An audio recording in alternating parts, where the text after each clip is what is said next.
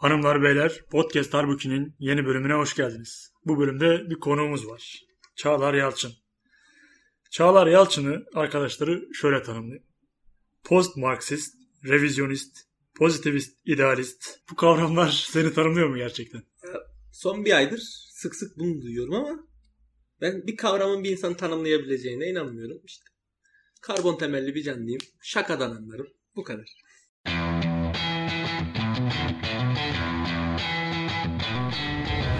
Edebiyat, kültür, sanat, tarih, medeniyet, sinema. Kulağa havada gelen tüm başlıklara göz kırpan podcast halbuki başlıyor. İyi öncelikle teşekkür ederim. Geldin hocam. konuğumuz oldun. Nasılsın iyisin inşallah. İyi diyelim iyi olsun. Kötü de değil. İyi de değil. Hayat nasıl gidiyor? Gidiyor. Bir sıfat sadece gidiyor. Gid- gidiyorsa problem yok. Ya şöyle de bir şey yok mu? Yani biz insanları bir kimliğe atfetmeyi çok seviyoruz. Bu insan Marksisttir, İslamcıdır, Batıcıdır, Doğucudur. Bu şekilde insanları kimlikleştirmeyi çok seviyoruz. Ne düşünüyorsun bu konu hakkında? Bu şekilde daha kolay geliyor insan. Biz bilmediğimiz şeyi bildiğimiz şekilde sokmayı seviyoruz. Mesela integral de böyle bir şey. Bilmediğimiz bir eğriyi bildiğimiz ufak eğrilerle, ufak şekillerle bildiğimiz şekle getiriyoruz. Eyvallah. ya şimdi mesela şöyle. Atıyorum sen Marksist bir ortamda bir şey konuşmuşsun ve, ve onların üstüne yeni bir şey söylemişsin. Revizyonist. Revizyonist olmuşsun. Günümüz- Post olmuşsun. Yeni bir şey söylediğin için sadece. Pozitivist, idealist olmuşsun. Ne bileyim başka bir şey olmuşsun. E, bilimle Ya, uğraşıyorsam ve bir tık inancım varsa pozitivist idealist olmuş oluyorum ikisini harmanlayınca. Eğer bir, bir Marksist'le tartışıyorsam ve günümüz dünyasının şartlarını uyarlamaya çalışıyorsam birden post Marksist olmuş oluyorum. Başka bir yol dediğim an revizyonist oluyorum. Ya aslında anlamamız gereken şey şu.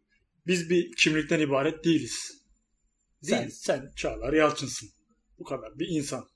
İşte post Marksist, revizyonist, doğucu, batıcı kimliklerin dışında aslında bir insan üst kimliğimiz var ve insan olmaya gayret ediyoruz. Bu Ye- kadar. Yeterli Doğru kimlik. Doğru. İnsan olmak yeterli bir kimlik aslında. Şimdi senin mizahla ilgilendiğini biliyorum. Evet. Az çok karikatür gibi bir şeyler çizdiğini de biliyorum. Gibi bir şeyler. Yani alın. Ama. no. Peki günümüz mizah dergilerini nasıl buluyorsun? İşte eskiler, Lemanyaklar, Lemanlar, Uykusuzlar. Batman'ın eşiğinde günümüzde hepsi ya. Hepsi Batman'ın eşiğinde. Çünkü Instagram var. Twitter var. Kimse alıp okumuyor. Alanlar da kafeye götürüp fotoğraf çekmek için alıyorlar. Yani dergi kültürü aslında biraz Evet. bitmeye yakın gibi mi? Bitiyor. Bitişine şahit oluyorsun. Ya belki şekil değiştirir bilemem. Mesela karikatür de şekil değiştirebilir. Hareketli karikatür diye bir şey var.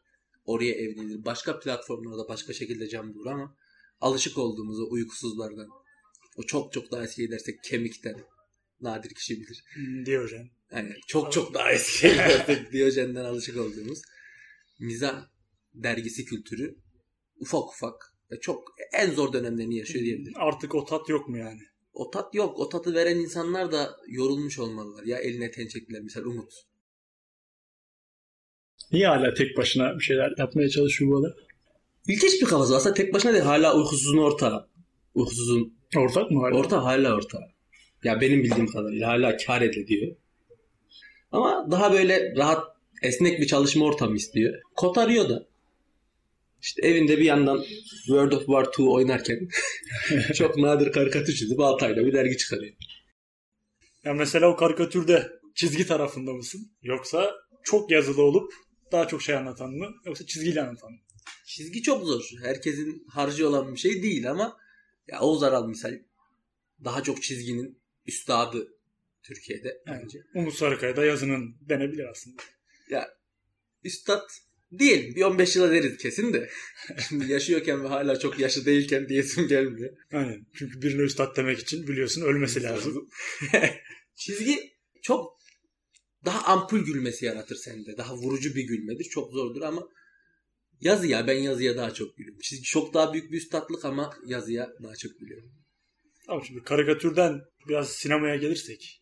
Günümüz komedi filmleri, günümüz komedi işleri hakkında ne düşünüyorsun? Çok parlak değil durum. çok kötü olduğunu düşünmüyorum söylediğin aslında. Yine düşük cümlemden dolayı özür dilerim. Hiç önemli değil. Yani iyi işler çıkıyor mu şu an? Ya çıkıyor şey en yeni Ali Atay'ın yeni filmleri. Bence gayet ya sinematografik açıdan yorumlayamam ama komik yani. Gülüyorsan komiktir. Ben çok basit düşünüyorum bu konuda. Yani iyi bir film mi? Çok iyi bir film olduğu tarafında değilim. Komik. Eyvallah gülüyoruz. Başı sonu belli olan iyi bir film yerine daha çok küçük küçük skeçlermiş gibi geliyor bana. Komik olayların derlenmesi gibi. Ki cinayet süsünde biraz daha bu böyle. Ölümlü Dünya daha baş sonu belli bir işti. Cinayet süsü mü Ölümlü Dünya mı? Ölümlü Dünya. Tartışmaz. Ölümlü Dünya çok yeni bir iş. Çok yeni bir iş ya. Ben izlerken misal filmin kopuş, o kırılma noktası şaşırmıştım. Allah Allah. Helal olsun ya deniyorlar falan diye. Ama yani, film açısından bilmiyorum ama komik. Ya bir şey var ve komik. Yeterli. Yeter. Neye gülüyoruz biz şu an Türkiye Türkiye'de? Ya da gülmek bir ihtiyaç mı? bilmek insanoğlunun nadir nimetlerinden biri ya. Çok yanlış cümle oldu. Bunu unutabilirsiniz. Ama hayvanlar bildiğim kadarıyla zevk alıyorlar. Ya bu yanlış bir tabir oldu yine. Yine yanlış tabirlerimden özür dilerim ama ya gülümsüyorlar. Bir şeyden keyif aldıklarını biliyoruz. Ama mesela kahkaha atıyorlar mı? Yani, Ya hayvanlar da mutlu olunca gülüyor mu? Gülüyor. Bu mu yani? evet gülüyorlar. Bunu gözlemliyoruz. Bayağı sırıtan şempanzeler. Böyle mutlu yüz ifadesi veren kediler Ya var. belki de o yüz ifadesini biz gülmekle adlandırdığımız için öyle geliyor olamaz. kahkaha atmıyorlar ama onu, ona eminim. İnsanoğlu o kadar acı çekmiş ki işte mizaha ihtiyaç duymuş. Mizah gibi bir duvarı acılarımızın arasına yıllar boyunca koymaya ihtiyaç duymuş. Hayatta tutuyor bence biz. Yani diyorsun ki insanoğlu mizahı çektiği acılara karşı bir duvar olarak kullanıyor. Doğru illa ki mizah yabancılaştırıyor ya. Sen ne yaşarsan yabancılaştırıyor. Mesela bir derdin olsun. Derdinle alay, alay ettiğin zaman derdin aslında uzaklaşıyorsun. Bir tık daha dışarıdan bakmaya başlıyorsun. Mizahın önemli bir işlevi bu hatta. Haldun Taner'in bir lafı vardır. Lafını hatırlamıyorum ama bundan bahsediyor. Yabancılaşma aslında tam tabiri İngilizce alienation demek. Yani seni bir tık daha dışarıya atıyor.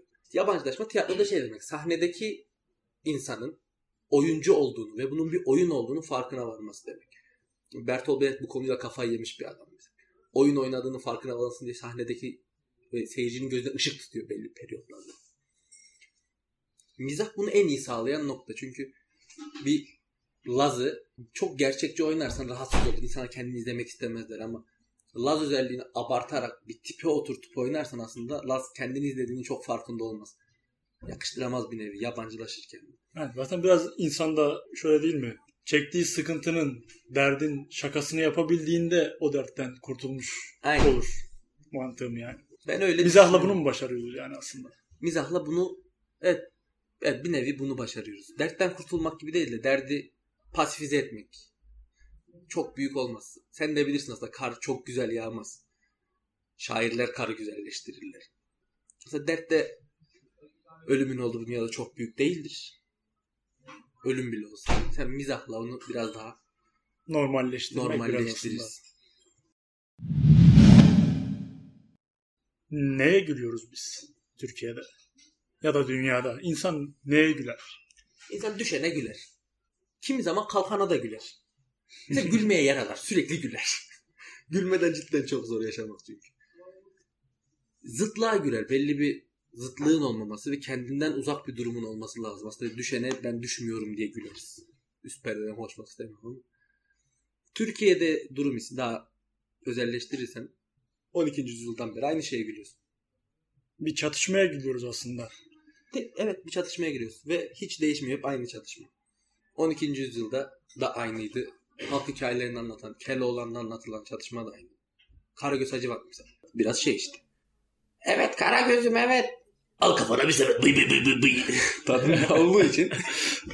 ya da olacak o kadar falan. Nasılsın? Türkiye'den iyiyim. Olacak. olacak. Niyetimiz kimseyi kırmak değildir yani. Karagöz taşradan gelen daha kaba saba herkese dümdük söyleyebilen her şeyi daha cesur bir adamken Hacivat daha uyanık, cingöz, ilmi sınıfına mensup, daha edep bilen bir adam ve bunların maceralarına ve çatışmalarına gülüyoruz. Orta oyununda da aynı, burada da aynı, fıkralarda, masallarda da aynı. Günümüzde bile aynı, hepsi aynı. Recep, Yani aslında günümüzdeki sinemanın, hikayenin, hikaye anlatıcılığının temeli de aslında bu çatışmaya oturtmak. Cem Yılmaz filmleri örneğini veriyoruz zaten bunun için hep. Uzaydaki Türk'ün maceraları. Bir Türk uzaya gitseydi ne olurdu? Yahut işte eski çağlara gitseydi orada ne tepki verir diye gülüyoruz aslında. Umut Sarıkaya da bundan besleniyor aslında. O şehirleşmeyle beraber 80'den sonra bir hızlı bir şehirleşme var. Köyden şehre gitme var 70-80'den sonra. Ve bu bir zıtlık doğuruyor şehirde. Mesela BİM şey gibi. Arada kalmış bir şey. Ne bakkal ne süpermarket. BİM'in mizahını yapıyoruz çok uzun süredir biz. Recep İvedik de öyle. Kaba saba bir adam. Aslında yolda görsek selam vermeyiz. Ama bu adamın gidip zenginlere tüy kaka demesi bize komik geliyor. Yıllarca. Bin mizahı, bin mizahı yani yeni bir kavram şu anda. Bin mizahına gidiyoruz biz. Peki şu an mesela sosyal medyanın da ciddi tesiriyle herkesin komedyen olmak gibi bir durum var. Artık herkes komedyen, herkes Aslında herkes komik. Bunu bir empati kurabilirsen. Lisedeki arkadaşlar vardır ya. Herkesin bir arkadaş grubu vardır.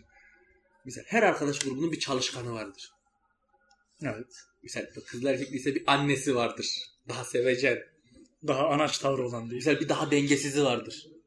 Bir daha komiği vardır. Aslında herkes bir etiket Evet. alıyor. Den- Herkes dengesi Berat mesela. daha böyle IMF, Kubi tarzı adamlar da vardır mesela. Aslında herkesin var böyle insanlar. Ama her toplumun ayrı ayrı vardır. Bunların üstünden yapan, seyircisi çok olan adama komedyen diyorduk. Artık herkesin şehir, seyircisi çok fazla artık. Artık herkes bizi aşıyor. Twitter bitirdi beni. ya şimdi işte sosyal medyanın anında karşılık bulması gibi bir fırsatı var. Adam bir şey yazıyor ve anında inanılmaz bir kitleye ulaşabiliyor. Ya bir de bulunuyor. Mesela bir espri geldi aklına diyelim. Gelebilir. Ya o espri bulmak çok zor değil. Diyelim ki karikatürist Umut Sarıkaya'sın. Aklına bir espri geldi. Buluyorlar ya. Aynısını buluyorlar. Aynen. Yani aslında biraz nasıl anlattığın da burada önemli bir şey. Fark orada ortaya çıkıyor. Sarıkaya. Şiirde de böyle ya bir şairin ağacı anlatması var. Bir de sıradan demek istemiyorum ama şair olmayan bir insanın bir ağacı anlatması var. İkisi de aslında gördüğü şey ağaç. Bu çağda insanlar daha çok şeyi görmek istiyor gibi. Bu da bir bitirmesi. Sadece ağaç olduğunu görmek istiyor. Çünkü ağaç ağaç. Artık nasıl ağaçla çok ilgilenmiyorlar. Güleyim mi? Hızlıca güleyim bitsin hemen. Yani tüketim toplumu, kapitalizm eleştirisine geldik. Peki abi 2000'den 2000'den itibaren bir değişiklik olduğunu söylüyorsun. Doğru Ben- mudur? Bence evet. Net bir tarih o değildi. Bir değişiklik oldu uzun süre. Yabancılaşma mı diyeceğiz peki buna? Küreselleştik ya. Her ülke gibi biz de küreselleştik. Seçeneğimiz arttı. Durumlara bakış açımız arttı. Artık taşradan İstanbul'a gitmiyor olduk. Dertlerimiz değişti. Dertlerimiz değişince mizah da kendi kendine değişti. Absürt komedi arttı misal. Durum komedisi arttı hikaye üzerine. Zaten hikaye o da durum komedisi ama. Cem Yılmaz'ın filmleri misal tamamen değiştirdi. Daha böyle eskiden Satri Satri neydi? Alışık. Sadri Alışık'ın mesela filmleri komedi filmi ama yatay bir komedi daha çok. Ertem Eğilmez daha yatay bir komedi. Yani daha çok durum işi yani. Filmi izlerken kahkaha atmazsın da öyle. Yüzünde ufak bir tebessümle bitirirsin o filmi. Ama ondan sonra daha vaudeville.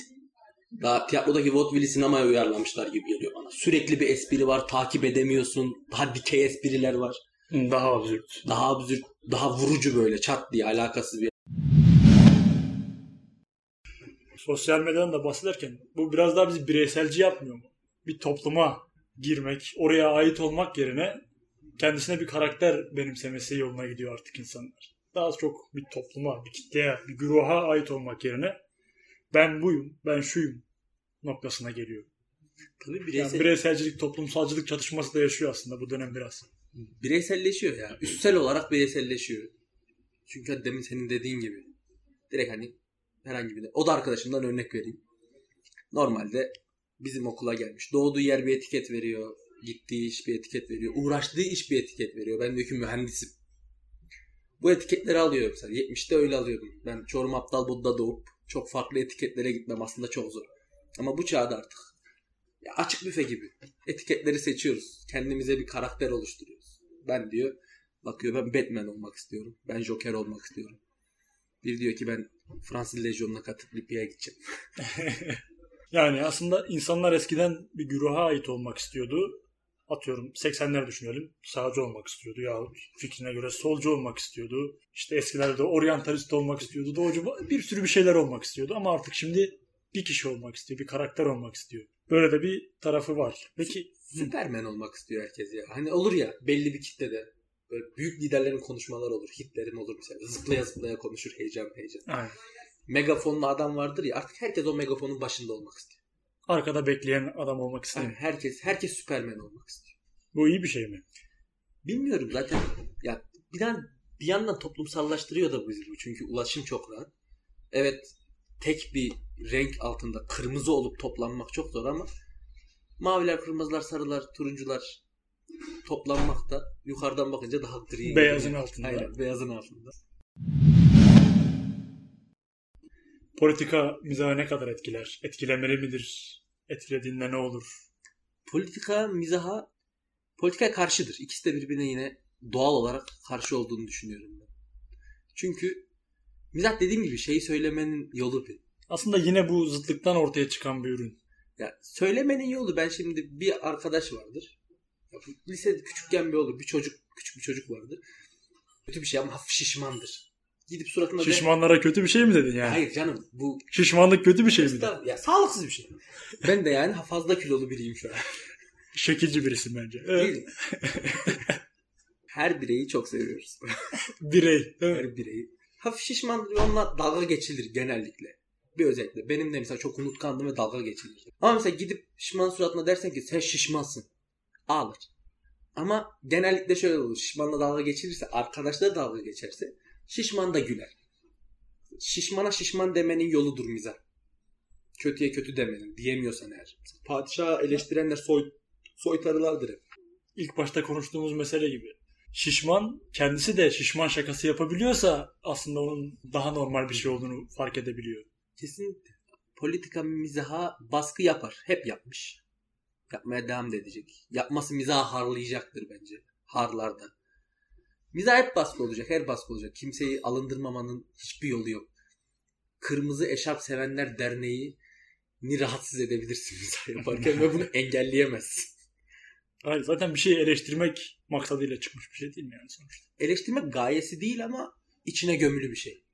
Gaye tek gayesi Olmadan da olmaz. Ya mizah çok tartışılıyor. Mizah nedir? İzahı olmayan şeyin mizahı olur gibi çok büyük laflar edilebiliyor ama ben çok basit, çok basit düşünmek faydasına yani. Komik olan şeyimize. Komik olması lazım. Çıkıp Yalçın Küçük küfür videoları da izleyebilirsin. Haldun Taner tiyatrosu da izleyebilirsin. Jimmy Carr da izleyebilirsin.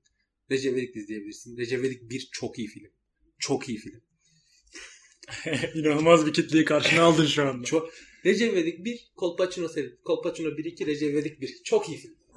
çok iyi film. Colpacino çok iyi film falan değil. Çok iyi ya. Diyalogların doğallığı, diyalog metinsel olarak çok güzel bir film ya. Ya içinde diyalogları ve iyi metinleri olabilir ama çok iyi film falan asla değil. Çok komik film diyeyim ama. çok komik Ya, bir film. Çok komik de değil abi yani. Neyse Colpacino çok uzar gider. Ama şunu söyleyeyim. Colpacino kesinlikle iyi film değil. Komik bir film. Tavsiye ederim. Bir iki çok komik. Tavsiye ederim.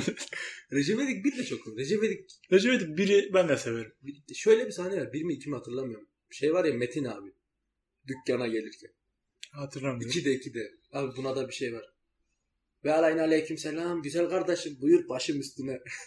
Olur mu ya? Kıyamet gibi elbise var arkada. Gofikli sahne. Mesela orada şuna eminim mi? Metin abi cidden tuhafiyeci. Oyuncu almamışlar.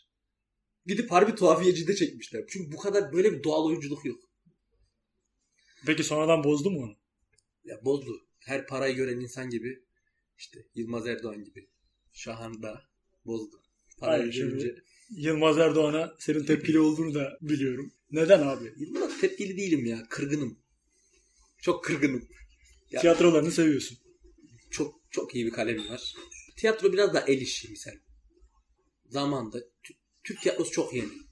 19. yüzyılda orta oyunlu çıkıyor. Aynı zamanda Batı tiyatrosu da gelişi. Aynı yani. Geleneksel tiyatromuz da çok eski değil. Ama mesela Haldun Taner diye bir adam gitmiş Almanya'ya bakmış kabare diye bir şey getirmiş. Buraya uyarlamış falan. Bu adamdan el alan bir adam var. Ferhan Şensoy diye. Çok önemli bir yazar.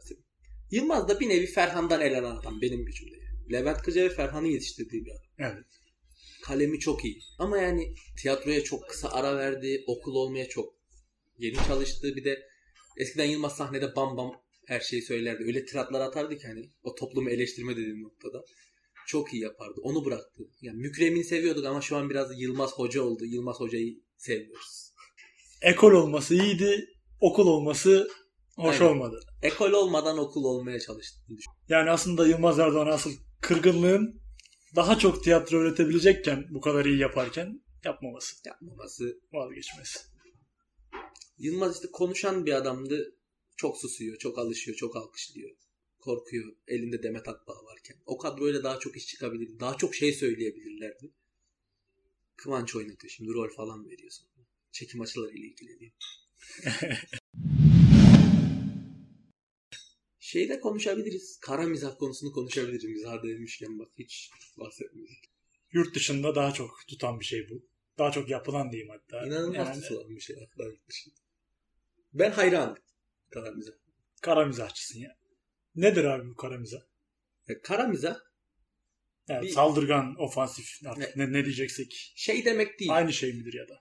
Mesela tutup sana karşı tarafa direkt men bir hakarette bulunmak değil. Sadece şu mizahın belli konuları var. Bu konular zıtlık köyden indim şehre konusu ya da aşk ilişkisi gibi. Kara bir de işlenmeyen konular var. Biz genellikle böyle elimiz ayağımız titrer bu konular bizi çok rahatsız eder. Mesela ölüm.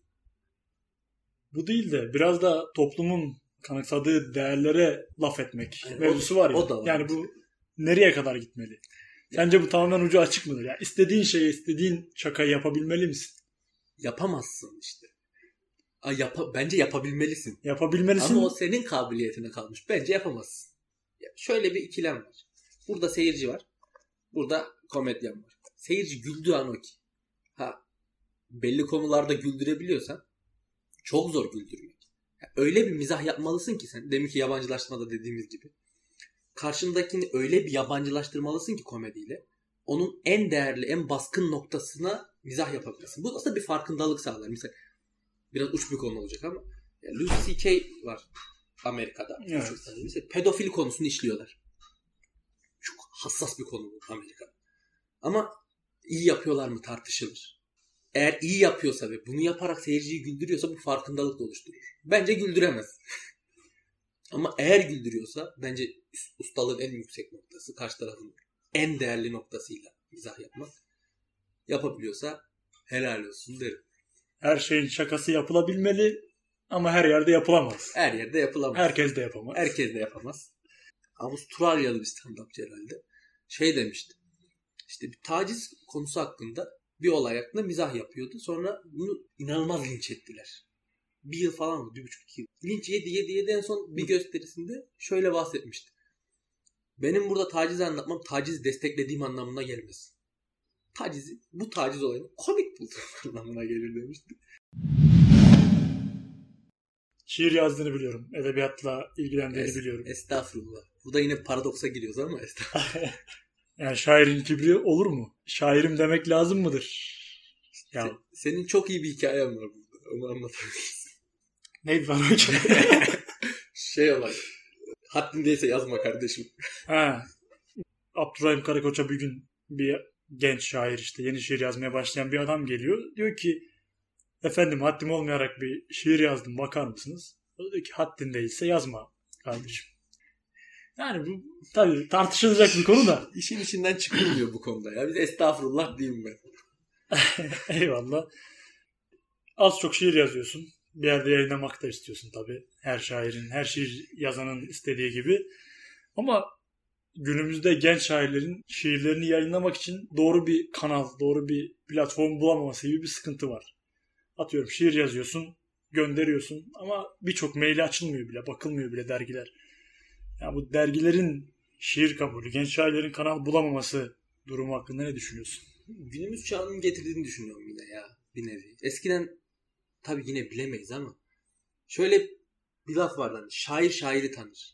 Mesela çok ünlü şairler de Türkiye genelde ünlü adamlar değil eskiden. Mesela. Öyleler mi? Bilmiyorum. Mesela Behçet Necatigil'i herkes bilir mi?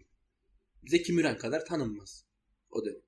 Aynı dönem yaşamıyorlar bile. Ben Meşhur değil ama yaşadığı dönemde en azından edebiyat camiasında bilinen adam var. edebiyat camiasında. Ha, o camianın Aynen. içerisinde bilinen adam var. Şair şairi tanıyor.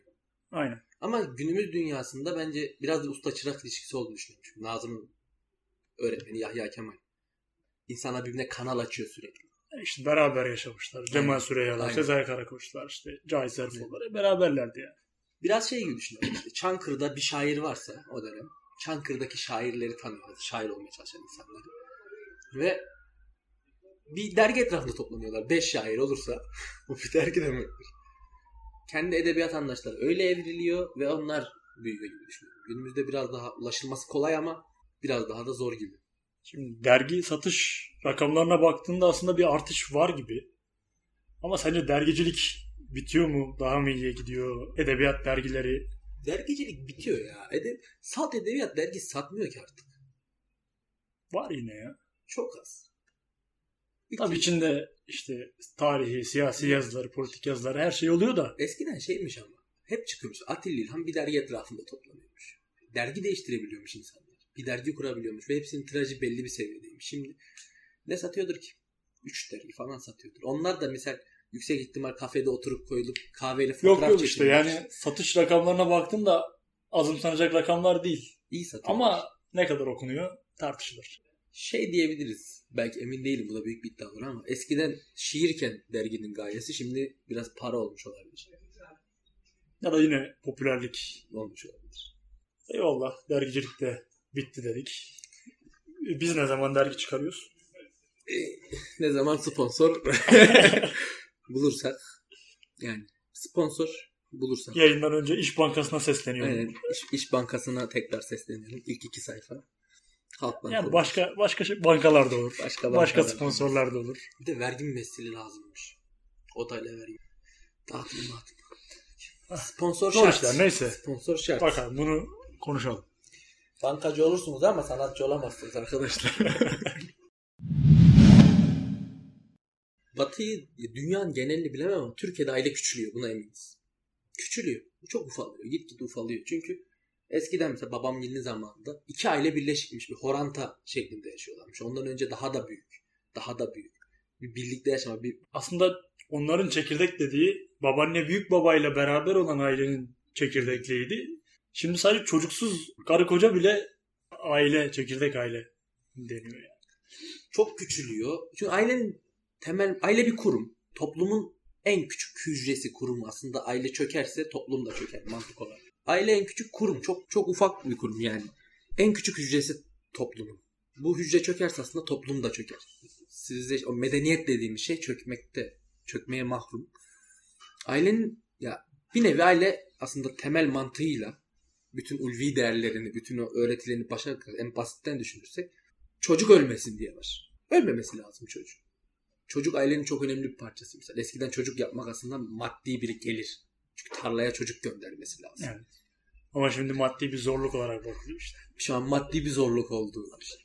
Çocuk çocuğun hayatta kalması ve o devamda çocuğun güvencesi ileride güvence altına alınırsa aile kavramı çöker mi? Ben de çok merak ediyorum nereye gider ama aşırı ufaldığı kesin. Çok ufal. Anne babanın çocuğunu hayatta tutma ve onu hayata iyi hazırlama misyonunu kaybettiğinde aile çöker mi? Diyoruz ya. Çok merak ediyorum. Çökebilir bence. Ya basit düşün, o basit indirgeyip düşünürsem çökebileceğini düşünüyorum. Ama aile çökerse gerçi büyük ihtimal günümüz dünyasında algıladığımız medeniyette çökecektir. Artık Ted Kaczynski sevinsin dursun. Yani bu baskı daha çok eser üretmemize, daha iyi eserler ortaya çıkarmamıza sebep olmuyor mu aynı Bunu- zamanda? Bunu şey yapıyor zaten. Bunu sağlıyor. Ama danışıklı dövüş gibi bir şey var gibi diyeyim ya. Öte yandan da sanat belli bir çağ... Eskiden böyle değil. Patronaj diye bir şey var. Fuzulisi. Kanuni sana para veriyor. ya abi. Ya, keyifli bir iş. Kanuni sana para veriyor. Diyor ki Leyla ile Mecnun'u yaz. Yazarım diyor. Baktım para vermiyorum. 3-5 tane böyle civ tarzı birkaç beyit. Yine oradan da yol Abi bu çok sığ bir yorum değil mi yani? Aslında temel, temeli bu ama patronajı kanuni. Kanuni para vermesi Fuzuli yazamaz ki çalışmakta. Değil mi? Bence yazar ama senin fikrin. Konu sen olduğun için bir şey demiyorum. Devam. Patronaj garanti. Hatta şey öyle. Büyük müzisyenleri saraya davet ediyor herkes. Gel burada yap diye. Avrupa'da mesela Mozart falan da patronaj ediyorlar aslında. Aynen yani biraz para kontrol ediyor sanatı. Ama bu tam olarak tarihini bilmiyorum. Sanayi devrimi dedim yanlış olur. Rönesans dersinde. yanlış olur. Ama bir noktadan sonra o patronaj yapan kısım halka dönüyor. Sanatçıyı o halk patronaj, patron etmiş oluyor. Çok kötü özne yüklem uyumu oldu. Kusura bakmayın. Hiçbir şey olmaz. o onu patronaj etmiş oluyor. Bu halde de sanatçı doğal olarak halkın yanında olmak zorunda kalıyor. Şimdi senin de fikrini çok merak ediyorum çünkü önemli. Sence yaratıcılığı önemli mi etkiliyor, önemsiz mi etkiliyor? Ya geliştiriyor mu, sönümlüyor mu? Şu ikisi de çok makul geliyor bana bu imkanlar. İkisi de doğrudur. Yaratıcılığı etkilediği kısım senin ilk başta bahsettiğin çatışmadan doğan, bir buhrandan doğan sanat var. Ve bu konuda çıkmış çok önemli eserler, çok önemli insanlar var. İşte o da o dönemin politikleriyle çat- çatışmış. Yahut o dönemin toplumuyla çatışmış başka bir şey, daha özgün bir şey ortaya koymuş insanlar var, sanat eserleri var. Çatışma burada iyi etkiliyor.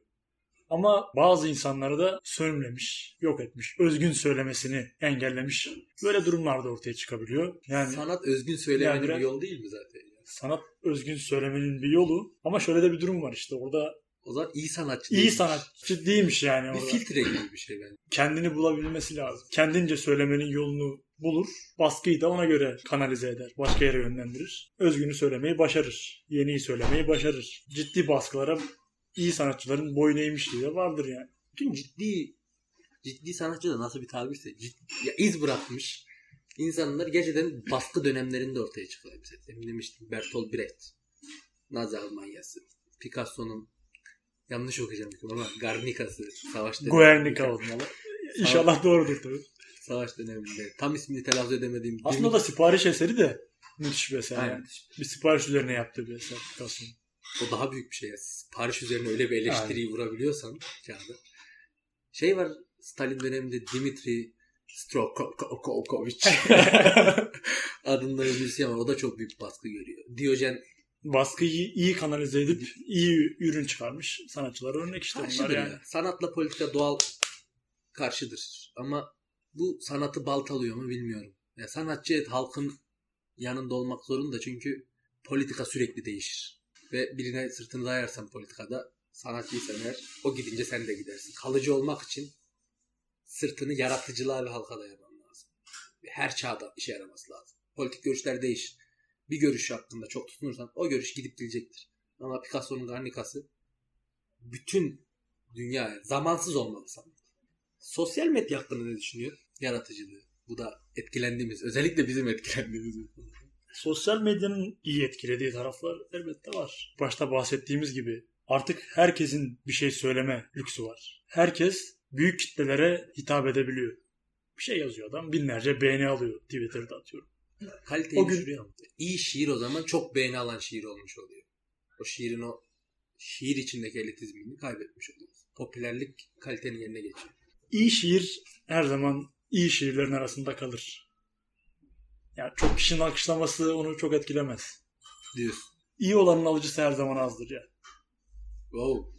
Yani e, şiir de böyle. İyi şiirin alıcısı da azdır. Çok beğenilen şiirler kötü müdür? Değildir. Ama işte bu bir ölçü değil. Ha. Bence yaratıcılığı çok kötü etkiliyor ya sosyal medya. Kendi açımdan konuşuyorum. Çok kötü etkiliyor. Çünkü Nasıl? sürekli bir şeye bakıyorum. Sabah kalkıyorum. Instagram'a bakıyorum. Batuhan Babaoğlu hikaye yapmış oluyor. komik hikayeler devam ediyorum. Öbürü daha komik. Çıktım Twitter'da gezdim. Biraz daha komik bir şeyler. Ekstra'da bir şey okudum. Ha, fazla meşgulüz meselesi. Aynen sıkılamıyoruz. Vaktimiz yok yaratmak için. Sürekli etkileniyorum. Diğer yandan da misal büyük bilim adamları şey yaparlarmış. Darwin misal Einstein. Einstein'dan emin değilim. Rastgele bir isim attım. Ama eminim yapıyordur. Kesin yapıyor. Kesin yapıyordur mesela. Yürürlermiş 45 dakika. Bak hepsinin yürüme şeyi var. Feynman, Richard Feynman tabağa atıp bir buçuk saat tabağın böyle şeklini izlemiş falan. Lan bu ruh hastalığı değil mi? Ondan sonra Gerçi bunların hepsi ruh hastası da. Nobel kazanmış adam ondan sonra. Sıkılmak lazım. Sıkılmadan üretilmiyor. Biz hiç sıkılmıyor. Sıkıldın mı hemen Instagram'a giriyoruz. Sıkıldın mı hemen internetten bir şey okuyoruz. Sürekli bir bilgi. Beynimizin hiçbir yeri boş kalmıyor yaratmak için. Yani boşlukları doldurmak için bir fırsatımız yok Aynen. yani artık. Sıkılmamız lazım. Ya mesela şey var. Şimdi güncel dergilerde özellikle Türk Edebiyatı'nda işte buhran şiiri falan diyorlar ya. Yani abi ne, neyin buhranı yani bu? Belki de buhranın olmamasının buhranı diyeceğim ama Yani şöyle bir tabir var ya. Mahrumiyet yoksunu genç nesil diyorlar. Aynen. Gerçekten yani hiçbir şeyden mahrum kalmamışız. O mahrumluğu içselleştirip bir ürün ortaya çıkaramıyoruz artık. olmuyor. Türkü dinliyorum mesela. Samimi gelmiyor. Mesela türküde diyor ki gelemem diyorum of of sen gel diyorsun. Halbuki gelirsin yani. Uçakla bir saat. yani gelmem için bir sebep yok. E, gurbet elde kaldım bir başıma da çok da gurbet değil hani gider gelirsin. Yani dünyanın öbür ucuna 20 saatte gidiyorsun yani. Her şey yani biraz özlemler kayboldu. Gerçekten kayboldu. Ha, bu da Ya Böyle olunca teknolojinin ya da işte globalleşmenin bu hale geldiğinde o türküleri de biraz anlayamamak mı ortaya çıkıyor yani? Ben E yabancı çünkü bir saat abi yani git git değil mi? Gidiyorsun geliyorsun. Türküler verin bana sevdiğimi. Verirler yani konuşursan. Verirler büyük ihtimal. O kadar da kesin konuşmayalım. Ya uğraştırır uğraştırmaz demiyorum. Geçen işte ya şöyle bir kavram var ya 40 yıl kazanda durdum. evet. Piştim. O bu çağda biraz şeye evrildi işte. 40 milisaniye. 40 saniye falan mikrodalgada. Tam durma da değil o bir tık tık aç kapa. İyi olsa bile kalıcı değil. Hemen geçiriyor. Ya aslında işte kendine ait bir zamanının olması, kendine ayıracak bir zamanın olması önemli bir şey yani. aslında. Yaratmak için gerçekten sıkılmak gerekiyor. Sıkılmadan yaratamıyoruz. Ve bu bizi o kadar meşgul ediyor ki yaratsak bile bundan etkilenip yaratıyoruz. Bir heykel yapacaksak o heykelin o kadar çok fazla heykel var ki ister istemez ondan etkileniyoruz ve özgün bir şey yaratamıyoruz. Sıkıl, bol bol sıkılın arkadaşlar. Oturun tavana bakın. Gelir aklınıza. Abi sana hızlı hızlı seçenekler sunacağım. O mu bu mu şeklinde. İstersen üçüncü bir cevabı da verebilirsin. Ya başka bir yorum da getirebilirsin. Sorduğum sorulara hızlı hızlı cevaplar istiyorum. Yıldırım soru takviye. Başlıyorum. Çay mı kahve mi? Kahve. Messi mi Ronaldo mu? Messi. Müslüm mü Orhan mı? Kesin Müslüm. Bence Ferdi. Neşet mi Mahsuni mi? Mahsuni. Neden Mahsuni? Ya Neşet de çok büyük bir aptal. Ya Mahsuni aşık. Neşet aptal. Aptallık kültürünü devam eden bir aptal. Sazda bir virtüöz. Neşet o kültürü devam ettiren bir insan değil mi? Ya devam ettiren bir insan. Kendi o yöresinin kültürünün müziğine çok katkı sağlayan bir insan. Tartımı belli. Neşet tavrı diye bir tavır katmış saza. Ama Mahsuni'nin ozanlık, aşıklık üretkenliği bence her alandan, her türden, her şekilde çok daha büyük. Eyvallah. Yani karşılaştırmak istemiyorum ama Mahsuni'ye gönlüm hep daha yakındır benim. DiCaprio mu Brad Pitt mi? DiCaprio. Neden? Kafası büyük ve çirkin. Aristo mu Platon mu? Farabi. Aristo'yu niye sevmiyorsun? E çünkü yanlış ya. Programı açmadan önce Platon'a dangalak dedin. Bunu, bunu ya yanlış yanlış yapıyorlar. Her şey yanlış. Aristo insan bu kadar yanılabilir mi ya? Canlılar sınıflandırmış yanlış. Mantık yapıyorsun yıllar sonra Hegel geliyor. Büyük tartışmalar yol açıyor. gel şarlatan mı? Ne demiş? Aristo şey Aristo mu demiş? Tam bilmiyorum Aristo dememiş olabilir böyle. İşte atomdan oluşuyor. Nasıl bulmuştur büyük ihtimal? Yaprağı ikiye bölmüştür. Dörde. Sonra ha, madde parçalardan oluşuyor. bir sırada bölememiştir. Ha, bunun bir sınırı var demiştir. Senin tek işin düşünmek ya. Bin tane kölen var. Zenginsin. Tek işin düşünmek. Sen de bulursun Arif. Günde 8 saat düşünsek şunu buluruz ya. Eyvallah yorum yapmayacağım. Albert Camus mu Sartre? Kesinlikle sartır. Camus'a olan nefretinin sebebi ne? Kamu dangalak çünkü. ya abi. Kamu 14 yaşındaki ergen kız çocuğu gibi. Böyle saçını öne alan bir emo gibi ya. Ne demek bu? Kahve mi içsem intihar mı etsem? Git LYS YGS çalıştır. Dün annem öldü ya da bugün. Hatırlamıyorum. Ya tamam bu şeyi anlıyorum. Kamuyla Sartre'nin konuları da aynı. Ama kamuyu okumak bana gerçekten ya samimi bulmuyorum hiç çekince Biraz sinirlerini bozuyor insan. Aynen. Samimi bulmuyorum. Bazen hani biri dert anlatır da sana. Ya içsel bunalımlı arkadaşın anlatırken de böyle dinlerken bile samimi bulmazsın. Kızarsın ya. Kamuyu öyle ama Sartre daha evet bunalımını daha iyi alıyorum. Aynı topik ama Sartre'yi daha iyi alıyorum. Recep mi Tayyip mi? Düşüneceğim. Zor soru değil mi? Recep çünkü Tayyip yok. Recep ikisi de olur. Beraber? Recep Tayyip. Beraber ya. olmaz mı? Ki bir akışa dahil olmak mı? Yeniden başlamak? Yeniden başlamak diye bir şey yok ya. Yalan. Yeniden başlayamaz. Temiz bir sayfa açıyorum. Bir palavra. Palavra. İster istemez bir akışın içinde olacaksın. O da bir akış çünkü. Kendimi bildim bileli dinleyip dinlediğim dediğin sıkılmadığın şarkı ne? Türkü nedir? Çok var ama işte. Halkalı şeker. ya, allı turnam. Özellikle bizim buraların türküleri. Allı turnam. Bugün ayın ışığı gibi türküler. Samimi geliyor. Onun harici. Şimdi Nesim İçimen. Ben de şu dünyaya geldim geleli. Şemsi Yastıman. Uzaylılar hoş geldiniz. Ve acep evlensek mi evlenmesek mi? Aşk Veysel'in çoğu türküsü. Davut Sular'ın çoğu türküsü. Son zamanlarda kendine sorduğun soru nedir? Son zamanlarda ne tür sorular sormam gerektiği kendime. Şiir, şairin söylediği midir? Yoksa şiiri yazan mı şairdir? Ee, bu...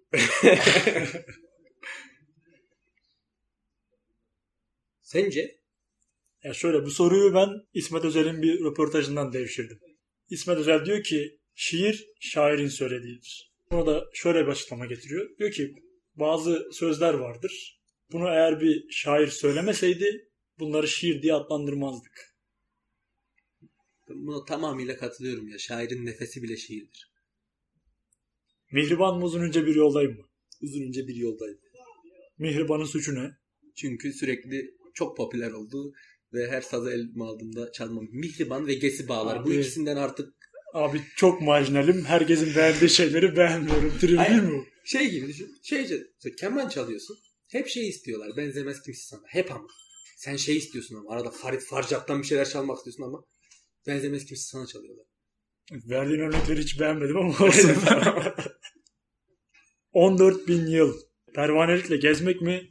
Kırkların ceminde dara düş olmak mı? 14 bin yıl gezmeden kırkların cemini almazlar seni. Nihayet hedef kırkların ceminde dara düş olmak ama. Amaç padişahın kızını almak mı? Ejderhayı öldürmenin tatmini mi? Derin bir sessizlik. Padişahın kızı gibi herhalde. Yani padişah, padişahın kızına göre değişir ama padişahın ya ben padişah, Padişahın kızına göre ben padişahın kızı olsam ejderhayı öldürmeyene gitmem yani var mı? sorularımız bu kadardı. Çağlar Yalçın konuğumuz. Teşekkür ederim. Konuklu podcastimin ilk bölümünde seni ağırlamaktan onur duydum, şeref duydum. Ben teşekkür ederim. Çok müteşekkirim buraya geldiğim için. Peki dinleyicilerimize son olarak söylemek istediğin bir şey var mı? Şivemden ve kelimeleri telaffuzumdan dolayı Çorumluğumuzun kusuruna Evet, bakmayın. Kusura bakmayın. Onun harici yaşayın. Tek vazifeniz yaşamak. Onu hakkıyla yapın. Eyvallah. Sürçülisan ettiysek Affola. Edebiyat, kültür, sanat, tarih, medeniyet, sinema. Kulağa havalı gelen tüm başlıklara göz kırpan podcast halbuki bitti.